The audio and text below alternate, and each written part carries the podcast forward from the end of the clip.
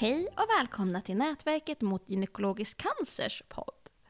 I det här avsnittet kommer vi få följa två systrar. Det är två systrar som har mycket gemensamt och dessutom bär de båda två genmutationen BRCA1. Det här avsnittet kommer att belysa känslor kring att bära en BRCA1-mutation, känslor kring att leva med en cancersjukdom, men också om hopp. Jag som kommer leda samtalet heter Alexandra Andersson och med mig har jag Jessica och Jannica från Värmland. Nu kommer ni alltså få höra tre kvinnor med rätt breda dialekter. Systrarna med sin fantastiska värmländska dialekt och jag med min norrländska.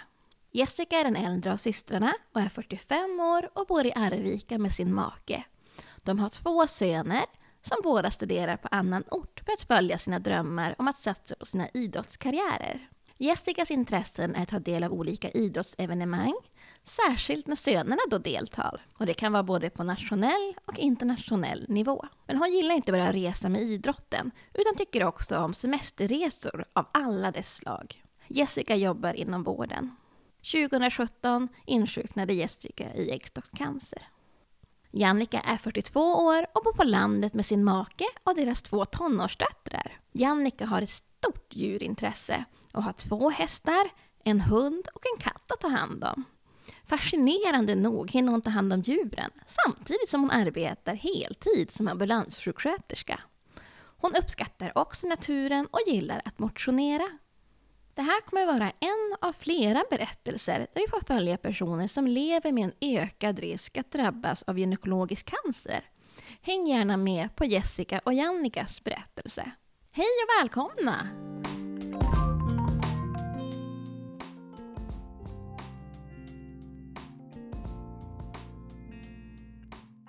Jannica och Jessica, hur började er resa med den här mutationen egentligen? Ja, vår resa med den här mutationen börjar ju, som vi vet om nu får man väl säga, den, den börjar ju långt tidigare eftersom vi nu har kunnat härleda den till vår farmor i alla fall.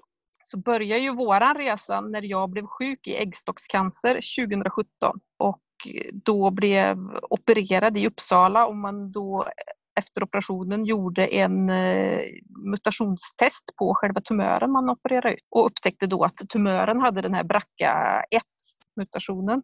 Så då skickade de remiss att jag fick göra utredning på hela mig, se om jag också hade mutationen och eftersom det kan bli en eh, mutation så att man bara får, tumören har den men man inte har den som person.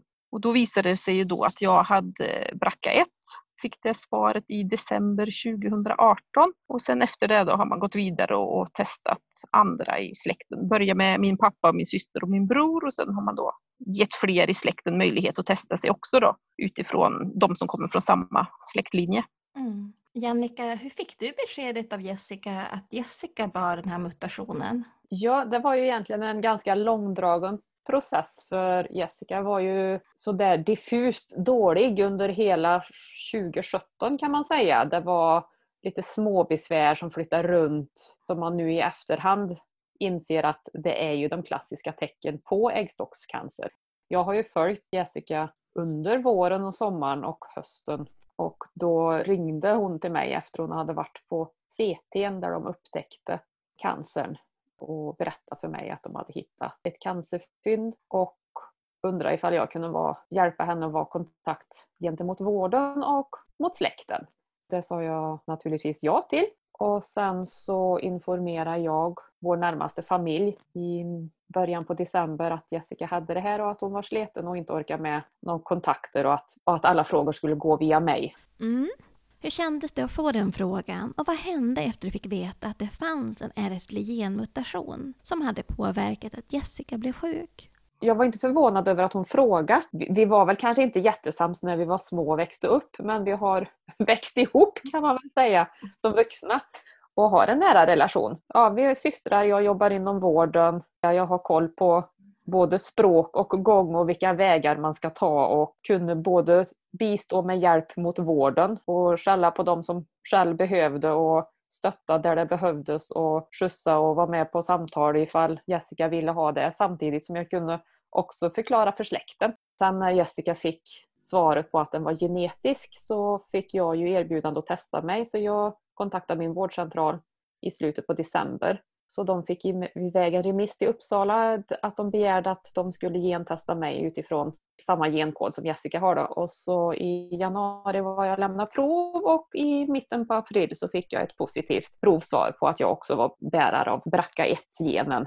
Och då skickade vårdcentralen remiss till Bröstcentrum och gynonkologen i Karlstad som tog över ärendet. Och nu är jag opererad i förebyggande syfte. Mm. Hur tog familjen vetskapen att dels att du insjuknade Jessica, men också att det visade sig att ni hade en genmutation?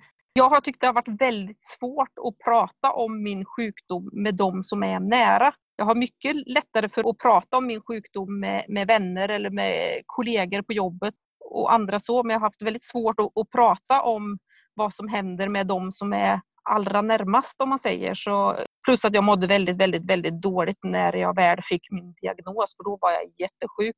Sen har de fått ta många smällar. Jannica har varit den som har hållit kontakten med hela släkten och min man har varit, var den i början som fick förklara och svara på frågor och ta allt med våra barn. De var ju 14 och 17 när jag blev sjuk så, så det är klart att de har haft många funderingar och så också men, men i början var jag inte redo att prata om det överhuvudtaget med någon men samtidigt som de som är närmast faktiskt behöver bli informerade också. Så det har varit väldigt skönt att ha den hjälpen och den stöttningen. Den, eh, just själva genmutationen känns väl som att de flesta har tagit, eller tagit bra. Det, det är väl mer som ett konstaterande att ja, det är så det är och, och vad gör vi åt det här nu och hur hanterar vi det här? Sen är det klart att det har påverkat väldigt många att jag har blivit så sjuk som jag blev.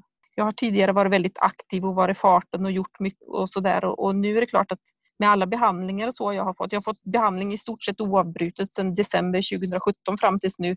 Och det är klart att det påverkar mig i, i vad jag orkar med och hur mycket jag orkar och vad jag klarar av att göra och, och så. Så det är klart att det blir en stor förändring för inte bara mig utan för även mina närmaste. Mm. Jessica beskriver att hon upplever och känner av en förändring sedan hon blev sjuk. Är den här förändringen något som du som syster, Jannica, har upplevt? Ja, även om behandlingarna har varit tuffa så har jag ändå varit väldigt tacksam över att Jessica klarar av dem så pass bra som hon gör. Hon har kunnat varit hemma, det är inte ofta hon behöver åka in extra på sjukhus och även om det är en fruktansvärt jobbig behandling så klarar hon ändå av det ganska bra jämfört med hur många andra mår. Jag är jätteimponerad av att Jessica orkar med den i den utsträckningen hon gör. Och när man fick frågorna från släkten då, bara, vad tycker du? Och hur går det med Jessica? Jag bara, ja, men det går ju jättebra, tycker jag. För det skulle kunna vara värre. Och innan jag lärde mig att man, man inte fick se på det utifrån ett yrkesperspektiv hur Jessica klarar behandlingarna. Eh, utan faktiskt från att ja, men Jessica är den, hon har jobbat, jobbat 80% läst 100% varit den som har fixat tårtor till alla kalasen och aktiv och sammankallande i mycket att man faktiskt fick släkten att förstå det att även om hon tar behandlingarna väldigt bra men hon är inte våran sidade Duracellkanin längre utan hon måste få vila. Sen så är, är hon ju en kämpe och hänger i och gör väldigt mycket trots sina behandlingar och det är beundransvärt. Ja, det är verkligen tuffa behandlingar som Jessica har och får genomgå. Jag skulle vilja backa lite grann och gå tillbaka till er närmaste familj. Hur tog era föräldrar vetskapen att någon av dem tyvärr bär genmutationen och att den tyvärr också då har förts över till er? Det är ju vår pappa då som vi har ärvt den från och eh, vår bror åkte också med i det så, så alla tre syskon har, har ärvt den här eh, mutationen från vår pappa. Men eh, jag vet inte, han har nog inte pratat så mycket, inte med mig i alla fall, om vad han tänker om det utan det har väl mer varit en praktisk grej att ja men det är klart han också testar sig för att se, säkerställa att det verkligen är honom det kommer ifrån. Ja, och pappa är väldigt lika. Vi är ganska tysta av oss och pratar inte så mycket. Men man, vad jag har kunnat se på honom så tycker han att det är jobbigt att det kommer från hans sida och att vi alla tre har den. Men sen så är det ju, ja men så är det ju. Det är ju mer ett konstaterande att ja, så här är det. Vi är ganska praktiska av oss. Att nu, nu var det så här och nu får vi hantera det utefter det här perspektivet. Ja, för så var det också. För jag hade ingen tanke på det. För vi har ju inte haft något, vidare cancerfall i våran släkt överhuvudtaget. Så, eh, nu har ju, vi ju då fått reda på att farmor hade äggstockscancer när hon var ung. Pappa var i tonåren när det hände. Men eh, hon dog ju av något helt annat när jag var liten. Så, så det var ju inget vi hade någon aning om heller. Och sen har vi liksom inte haft några fler cancerfall i familjen liksom, som vi vet om. Så, så det kom ju lite som en överraskning så att vi hade en ärftlig gen.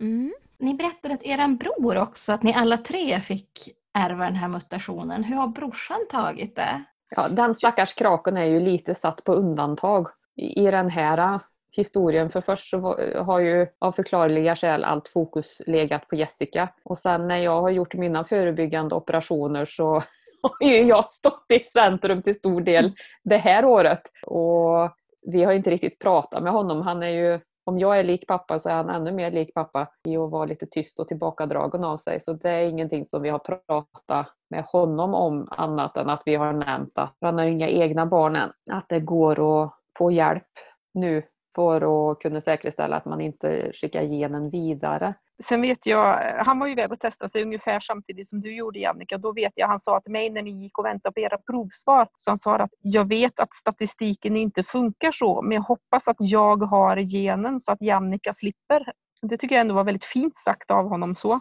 Men nu visade det sig ju att ni hade den båda två då, så det, det hjälpte ju inte så mycket det.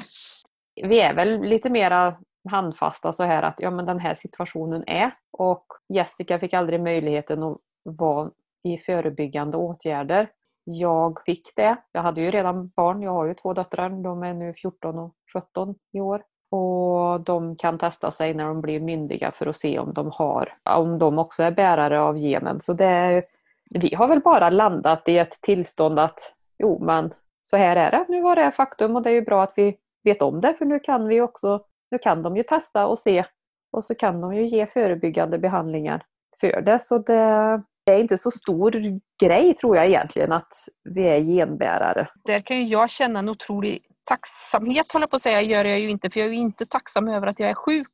Men det är ju ändå tur i oturen att det faktiskt upptäcktes i samband med att jag blev sjuk för då har ju ni andra i släkten stor chans att kanske faktiskt slippa bli sjuka. Ni kan gå på förebyggande kontroller och är det så att ni blir sjuka så kan man upptäcka det tidigt och, och göra någonting åt det tidigare än vad man kunde i mitt fall också. Vi har ju en ren lyxresa, vi övriga, jämfört med vad Jessica fick göra. Det är mm. vi ju väldigt tacksamma över. Där kan man snacka om att take one for the team va? ja, precis. Men är man stora syster så är man. Ja, är man stora syster så är man. Då får, då får man se till att det går, går bättre för de andra. Ni har då mycket humor i allt elände också. ja men det måste man ha. Man kan inte lägga sig... Alltså det finns dagar när jag inte har så mycket humor alls. Man, man kan inte bara lägga sig ner och, och, vänta på att dö eller vad som helst. Utan man, man måste se det positiva i varje dag som finns. Humor tror jag också är väldigt viktigt för jag tror det hjäl har hjälpt mig väldigt mycket att ta mig igenom det här. Ja, det har du ju så rätt i Jessica. Och förstå mig rätt, men humor kanske också kan göra att det jobbiga ändå blir förmedlat. Ni har ju båda barn. Vad och hur har ni berättat för dem om genmutationen? Och du Jessica om sjukdomen? Ja, jo, min, mina barn vet ju att jag, jag blev sjuk då. Det var ju ganska uppenbart när jag blev sjuk.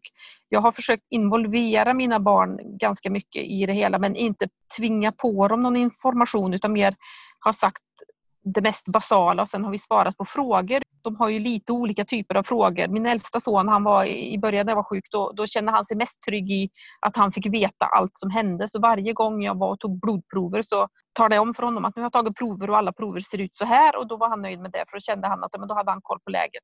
Den yngsta har inte varit särskilt intresserad på, på den nivån av sjukdomen. Så. Men däremot så har jag haft med båda barnen på gynonkologen vid något tillfälle var. Så de har fått se vad som händer när jag är där och får behandling och de har fått träffa min kontaktsjuksköterska. Så de har ett ansikte på henne och hon har ett ansikte på dem. Och, så de ändå har varit lite involverade så. Sen har jag fördelen att jag har ju söner så de har, löper ju inte någon vidare nämnvärd förhöjd risk att bli sjuka den här BRCA1-genen. Så jag har informerat dem om att jag har en gen som har gjort att jag blev sjuk och att den är ärftlig så det kan vara så att de har ärvt den. Jag har också berättat för dem att de har möjlighet att testa sig om de vill. Nu är det bara den äldsta som är myndig och han har sagt att han vill testa sig men kanske inte just nu så han har inte frågat dem mer efter det just nu men de vet att möjligheten finns när de vill och om de vill. Och sen har jag också sagt, den yngsta var väldigt orolig när han fick reda på att min cancer var ärftlig så då sa jag till honom att den är ärftlig och du kan ha ärvt genen men du kommer allra, allra mest troligt inte bli sjuk av den för det är hög risk för tjejer men inte så hög risk för killar. Och då har han varit nöjd med det. Mm. Hur har det varit för dig Annika? Ja, jag har ju då, däremot två döttrar jag då. Jag har ju diskuterat på lite olika sätt med dem. Den äldsta hon fyller ju 17 i höst, här hon, så henne har jag lite mer konkret pratat på med att jag har den här genen, där 50% risk att hon har ärvt den. Att när hon går till mödravården och ifall hon ska ha p-piller någon gång så måste hon säga det att mamma har den här genen, min moster fick äggstockscancer och att jag har sagt till henne att efter du blir myndig så, kan du få, så får du själv besluta om du vill testa dig och då kommer du att få det här familjenumret som de kan lämna. Vårdcentralen kan skicka remiss till Uppsala för att hon vill se om hon också bär genen. Men sen har vi inte pratat så mycket med det och med den yngsta, hon blev ju 14 här nu för bara några dagar sedan. Henne har jag pratat väldigt i stora drag med att det är en 50-procentig risk och att man inte får testa sig förrän man är myndig och att det är bra att tala om när man är hos doktorn att den här ärftligheten finns. Sen när hon blir lite äldre så kommer jag väl att ta samma upplägg som eh, den äldsta om p-pillers vara och icke vara och ärligheten till barnmorskor och vad man kan göra i förebyggande och när det i så fall skulle börja. Så vi har ju fortfarande några år på oss innan man på allvar måste ta tag i den diskussionen. Jag hoppas att de väljer att testa sig. Vill de inte testa sig så är det ju deras beslut och det respekterar jag. Men jag hoppas och jag tror nog att de kommer att testa sig någon gång i 20-25 års åldern för att sen, om det skulle vara så att de har genen, kunna få de täta uppföljningarna och vara inne i sjukvårdsmaskineriet och ha, få den hjälpen som jag har fått. Men som sagt, det är ju några år kvar dit. Mm. Innan vi spelade in det här avsnittet så berättade ni att ni båda lever med varsin partner. Var de med när ni fick beskedet om genmutationen och hur gick utredningen till? Ja, min, min, man har ju varit med eh, hela vägen från han tjatade på mig i början att jag faktiskt måste börja söka vård till att jag faktiskt råkar få min diagnos. Han har varit med på varenda cytostatikabehandling jag har fått i Karlstad. Han var inte med till Uppsala när jag var dit och gjorde den här genutredningen.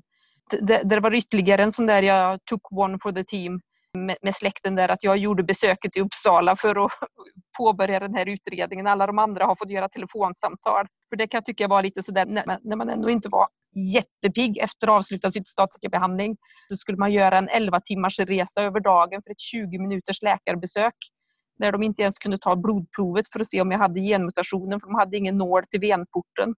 Utan då fick jag remiss med mig hem för att ta det blodprovet hemma. Och då, då, kände jag att jag som ändå kanske lite grann har erfarenhet av att, att jobba i vården och lite kan det här med språket och faktiskt vet hur man är ren biologi i hur man ärver gener från sina respektive föräldrar och så också. Jag hade också gärna kunnat gjort det samtalet per telefon. Sen fick jag också åka tillbaka till Uppsala för att få svaret på utredningen jag var där i augusti 2018 för att ha det första informationssamtalet. Sen fick jag åka tillbaka i december 2018 när de talade om för mig att jag hade den här genmutationen.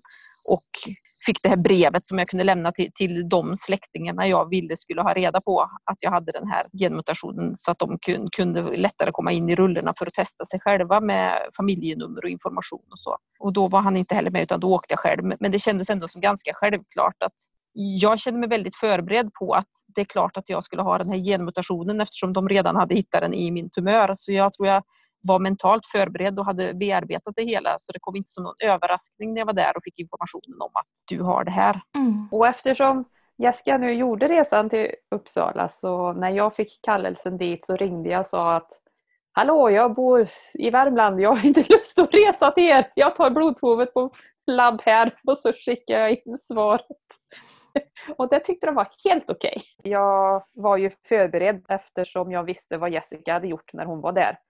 Och hon hade ju ändå gjort det var ju där som det egentligen började. Där började de ju på att nysta i släktförhållande och vilka som skulle kunna tänka sig att vara i farozonen och så. Eh, och det sa de sen också att ja, det är ju inget cancerbesked vi lämnar så det går bra att ge telefonbesked när det är så lång resväg. Och det, från jag tog provet där i januari tills jag fick svaret i april så tänk, tyckte jag ju ändå att jag bearbetade svaren en del för antingen är det positivt eller så är det negativt.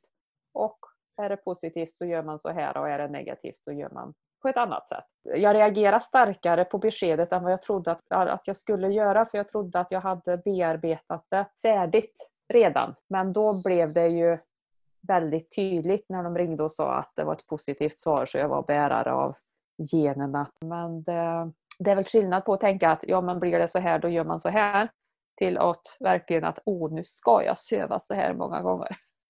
Och jag mår ju så illa när jag vaknar. Ja. Det, det var väl mer en matthet över att jag visste vad som komma skulle. Jag visste att nu, nu kommer de här operationerna. Nu ska jag göra si och så många operationer och jag kommer vara sjukskriven si och så många gånger och det kommer bli ett tungt år. Men när det året är slut så kommer jag ju ha bättre förutsättningar än många andra. Så det var väl mer innan allt drog igång. Sen var det i samma veva skrev jag D-uppsatsen på min vidareutbildning till ambulanssjuksköterska och vi skulle lämna tillbaka en låneponny och ja, det hände mycket annat i mitt liv just då mm. som gjorde att men sen bara den blev påbörjad så har det ju rullat på. Det är ju, och nu är det beroende på hur länge corona ställer till det så är det ju snart slut. Mm. Det är nog som du säger Jannica, att det är skillnad på att tänka hur det ska vara tills man faktiskt står i den situationen att man måste bestämma vad man vill tänka och vad man vill göra. Och jag tänker, vilket stöd har ni fått från vården? Det kan till exempel vara samtalsstöd angående genmutationen och du Jessica också kring sjukdomen. Jag har ju haft kontakt med kuratorn via gynonkologen och inte utifrån att jag har eh, genbärare utan utifrån att jag har blivit sjuk. Eh, så jag har, haft, jag har också haft tre samtal tror jag med kuratorn på sjukhuset här i Arvika där jag bor. Men i övrigt så är ju min klippa i livet det är min kontaktsjuksköterska på gynonkologen. Hon är den som eh, ser mig, hon ser mig som person, inte bara som patient. Hon vet vad jag behöver och hon eh, ser hela familjen så pratar jag med henne så frågar hon alltid efter de andra också och hälsar till, till maken och sönerna. Och henne kan jag prata med precis allting om och hon har fungerat som samtalsstöd för mig och hon har verkligen varit liksom en livboj i de här eh, svallvågorna på havet som jag har hamnat i. Så det är jag otroligt tacksam för att jag har henne. Mm. Jannica, har du fått något stöd? Om jag skulle säga både på gynonkologen och på bröstcentrum att jag mår dåligt av det här och skulle vara i behov av att prata med någon så är jag tvärsäker på att samma stund skulle jag ha ett namn och ett nummer i handen. Det får jag väl faktiskt ta och säga att gynonkologen, där mötte de mig där jag var, så att säga. Ja, det gör de. Med, med min systers erfarenhet, med min utbildning, med min yrkeserfarenhet de mötte mig som en, ja, där jag var. Det, det var väldigt intensivt där när Jessica blev sjuk. För 7 november så frontalkrockade jag och yngsta dottern. Sen helgen efter så fick vi avliva barnens ponny. Och sen ytterligare en vecka efter det så var vi iväg till Stockholm och hämtade en låneponny och köpte en ny bil. Och sen veckan efter det så fick Jessica sin diagnos. Så hösten, julen 2017 mm, var väl ganska intensiv mm. Eh, för mig eh, faktiskt. Bara allt lugnar ner sig och går sin normala gång så har jag inte känt något nämnvärt behov av, av något samtalsstöd och definitivt inte bara utifrån frågeställningen genbärare. Det, det har jag inte haft något behov av. Det har ju varit enormt varmt eh, omhändertagande både på gynonkologen och på bröstcentrum. Och som bracka 1-bärare så har man ju en liten guldväg in till vården för jag kunde ju ringa till bröstcentrum och så säga ja men jag är ju BRCA1-genbärare och nu känner jag så här, vad tror ni om det? Ja men vi har en tid i övermorgon, kan du komma hit? Så kan vi reda ut om det är någonting att ta hänsyn till eller om det bara är några ofarliga symptom som du känner av. Så det har ju varit guld värt. Och nu när alla dessa hormonpreparat är restade så är det bara att jag ringer till och pratar in ett meddelande på telefonsvararen på gynonkologmottagningen. Ja, hej det är Jannica igen, nu var det här preparatet slut, kan jag få ett nytt recept på något annat? Jajamän, och de fixar och dolar och ser till att allting funkar för mig och inga problem någonstans är det.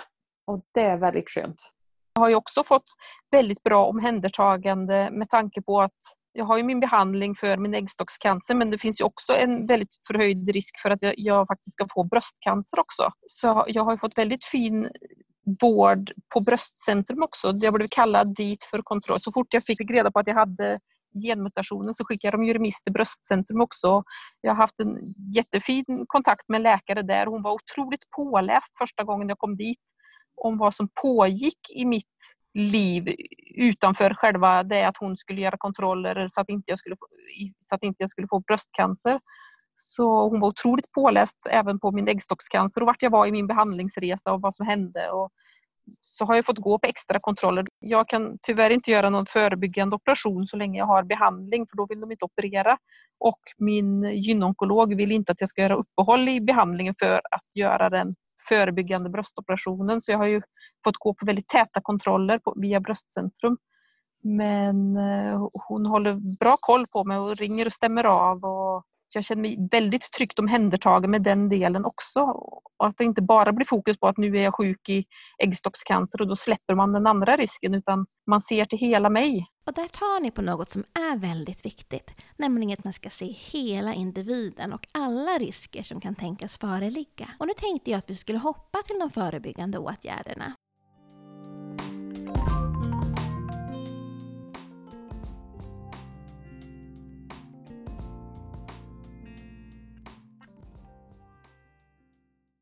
Jannica, du berättade tidigare i avsnittet att du har fått genomgå förebyggande åtgärder. Vilka åtgärder har du genomfört? I juli i fjol så opererade jag bort äggstockar och livmoder med en titthålsoperation. Och i 23 mars i år så har jag gjort en förebyggande bröstrekonstruktion. Jag är mitt i den processen. Jag fick, de tog bort all bröstvävnad och så satte in expanderbara protes platser som nu är färdigfyllda. Så nu väntar jag på att Corona ska lugna ner sig så att min kirurg kan ta emot mig och se hur det blev och bestämma på vilka silikonimplantat jag ska ha för att byta ut de här tillfälliga. Och sen är, är de i Karlstad noga med att trots att jag är opererad så kan det finnas någon mikroskopisk chans att de inte har fått bort all bröstvävnad. Så jag kommer att bli kallad på mammografi precis som alla andra just för att säkerställa att ingenting ändå uppkommer trots den förebyggande operationen. Så det känns väldigt lyxigt. Hur har det känts för dig att ta bort äggstockarna och brösten? För mig har det inte funnits något val. Det är 60 risk för äggstockscancer och 80 risk för bröstcancer fick jag till mig via informationsbrevet i Uppsala och det är inte för mig något val när jag kan förebygga det hela. Jag har mina barn, jag är gott och väl vuxen eller vad man nu ska säga. Jag hade inga som helst problem med att ta beslutet och be om en förebyggande operation. Sen har det varit lite svajsing med hormonpreparaten som jag har fått efter operationen men det, i dialog med läkare så har vi ju höjt och nu kanske vi kan höja lite till för nu är brösten borta så då är risken för bröstcancer också borta. De annars var bekymrade för med att ha för hög hormondos. Jag var väl förvånad över hur dåligt jag ändå mådde efter titthålsoperationen i fjol. För den har man ju alltid hört att titthålsoperationen det är ingen fara och det går så fint och det är en lättvindig sak och jag skulle bli sjukskriven i fyra veckor men jag var ju inte alls i skick för att gå tillbaka till jobbet som ambulanssjuksköterska efter fyra veckor. Så då fick jag två veckor till men det var Även det var nog kanske lite i det snålaste laget för det när jag började på att jobba sen igen så var det ju, jag, jag fick verkligen tänka mig för hur jag skulle lyfta och hur jag skulle stå och att jag skulle använda magstöd. Och, jag blev väldigt sliten mentalt. Att du alltid var tvungen att tänka på hur du rörde dig och hur du gjorde och så. Sen bröstrekonstruktionen hade inte varit lika självklar får jag ju ärligt erkänna ifall man bara hade tagit bort. Då hade jag nog tänkt både en och två och tre gånger innan jag gjorde den. Men nu tar de ju bort och så ersätter de ju. Jag har lite diskussioner med min kirurg för jag vill ha runda implantat och han vill ha anatomiska. Och jag bara, ja men anatomiska kan snurra så Och då ser det inte så naturligt ut. Och då måste de opereras om för att vända rätt om. Och jag är inte intresserad av några fler operationer så jag vill ha runda. Så det, det, har inte varit något problem alls att bestämma sig för de operationerna utan det har bara varit en självklarhet. Det var väldigt mentalt påfrestande att inte få röra armarna där de fyra första veckorna efter operation. Men jag mådde mycket bättre efter den operationen än vad jag hade trott att jag skulle göra. Och nu är jag ju i full rörlighet. Jag får inte köra bänkpress och de vill väl egentligen inte att jag rider än. För det skulle gå minst tre månader innan du börjar på att rida eller jogga.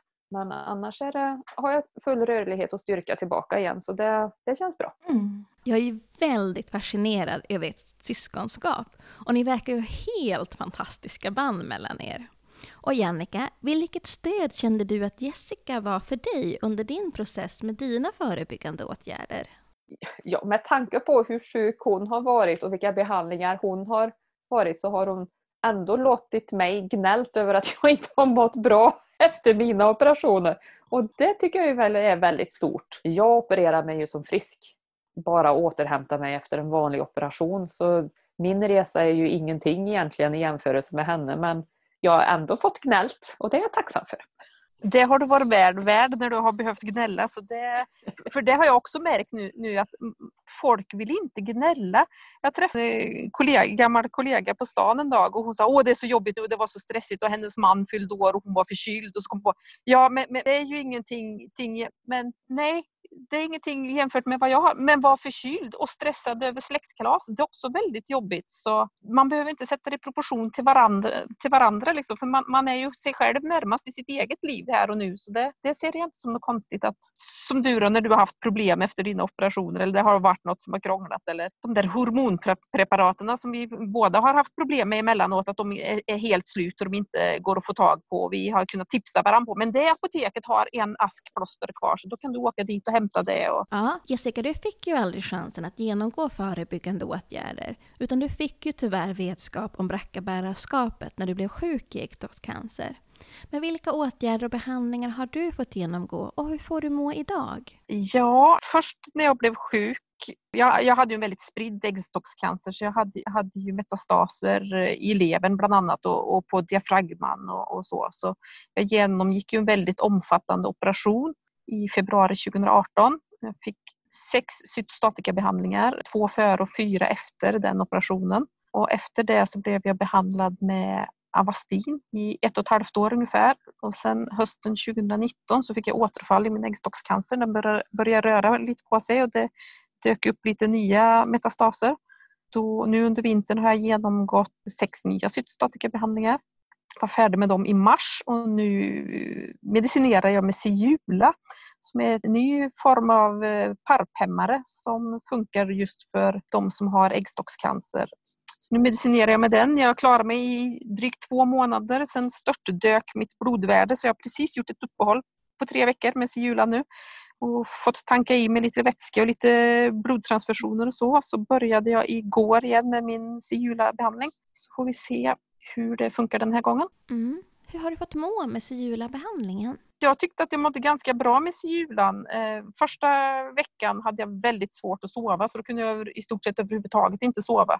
Sen tyckte jag att jag mådde väldigt bra förutom det där att blodvärdet sjönk. Men nu när jag har varit utan Siulan i tre veckor så inser jag att jag mådde faktiskt ganska dåligt under tiden jag, jag åt den. Så pigg som jag har varit nu sista veckan så pigg har jag nog inte varit på, på många år mm. jämförelsevis kanske så. Men jag har varit riktigt pigg nu så jag har verkligen utnyttjat den senaste veckan till att faktiskt träffa barna äldsta sonen har jag inte träffat på ett halvår så jag har faktiskt träffat honom och jag har eh, hållit på att greja lite mer här hemma och gjort lite mer saker och varit ute och rört mig lite mer, sprungit lite och sådär. Så jag hoppas att det kan hålla i sig nu att jag bara behövde den här pausen från julen, att jag kommer må bra framöver på det.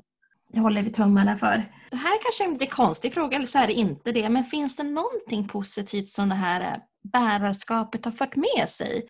För mig är det ju i och för sig mer sjukdomen som har påverkat mig. Men jag tycker ju, som jag sa förut, att det är väldigt positivt att man överhuvudtaget upptäckt att vi har den här genbärarhistorien så att de andra har möjlighet att testa sig och agera förebyggande om de vill.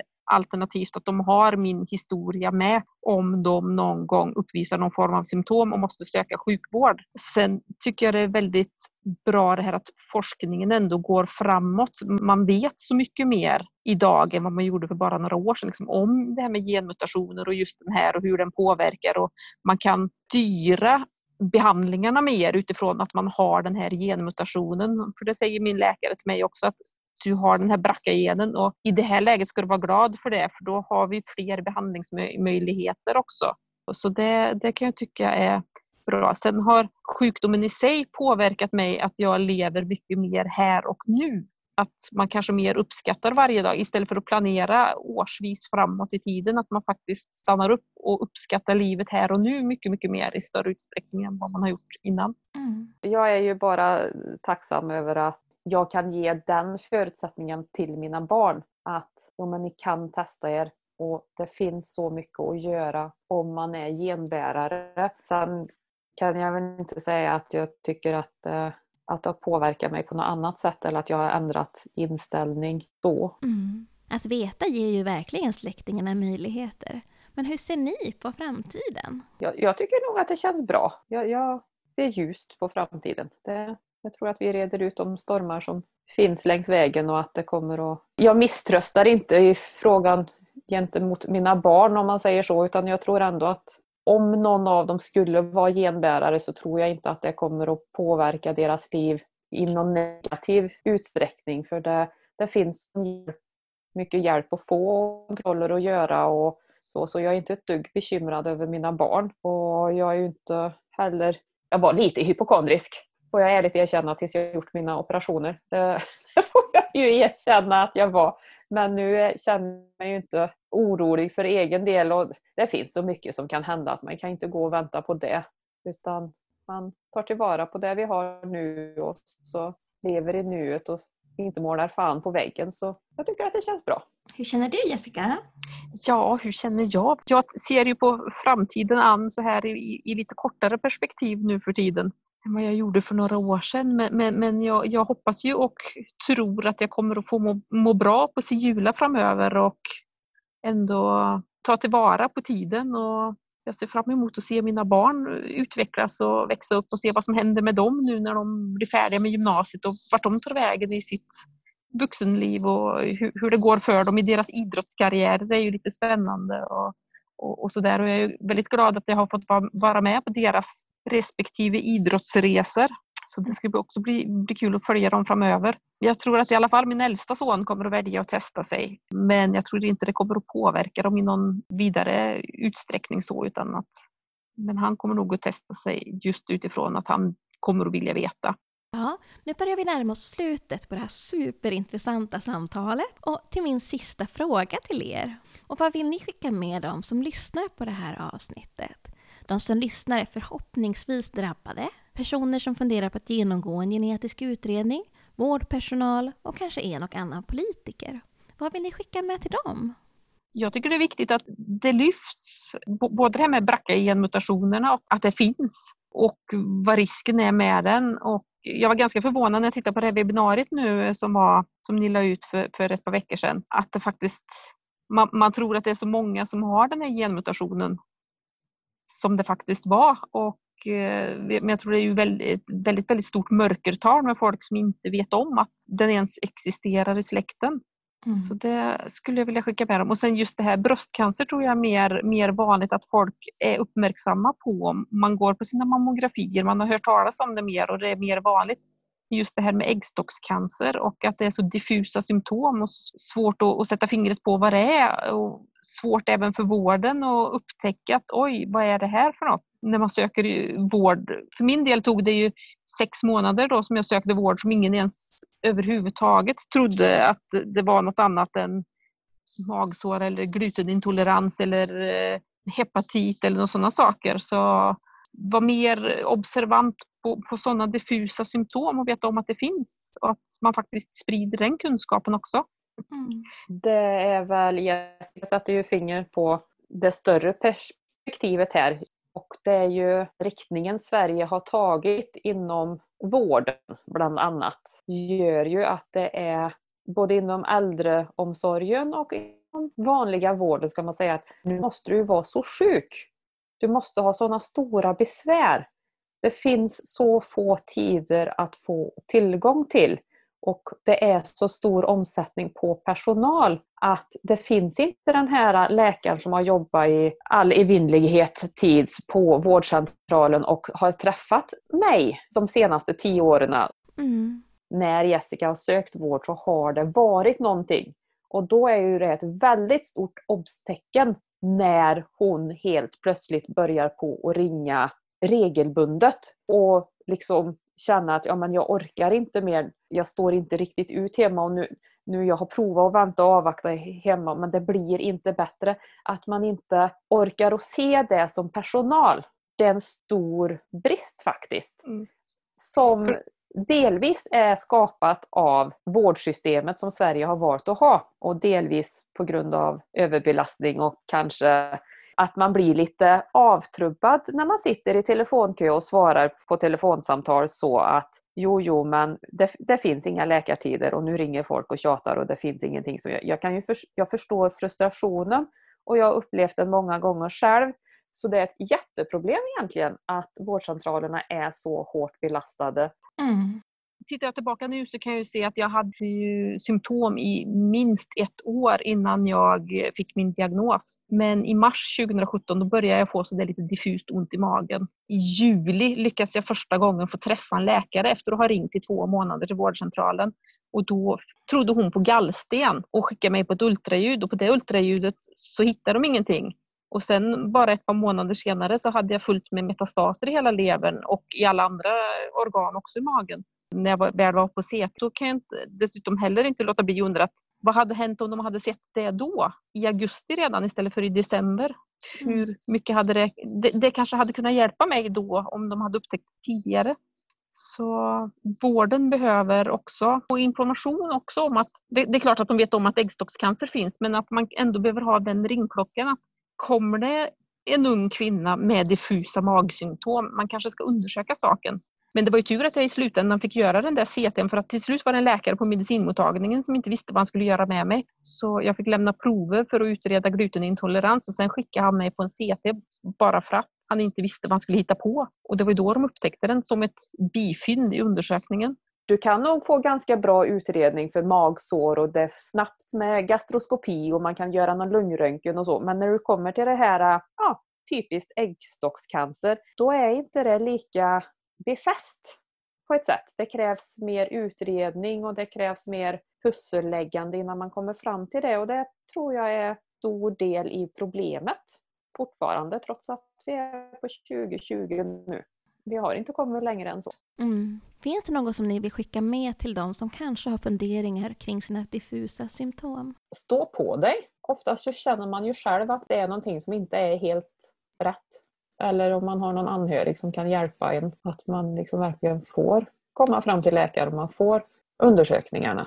Mm, det var allt vi hade för den här gången. Och nu hoppas vi att ni alla vill vara med i kampen mot gynekologisk cancer. För det är tillsammans som vi är starkast. Och tusen tack Jessica och Jannica att ni ville dela med er av er resa.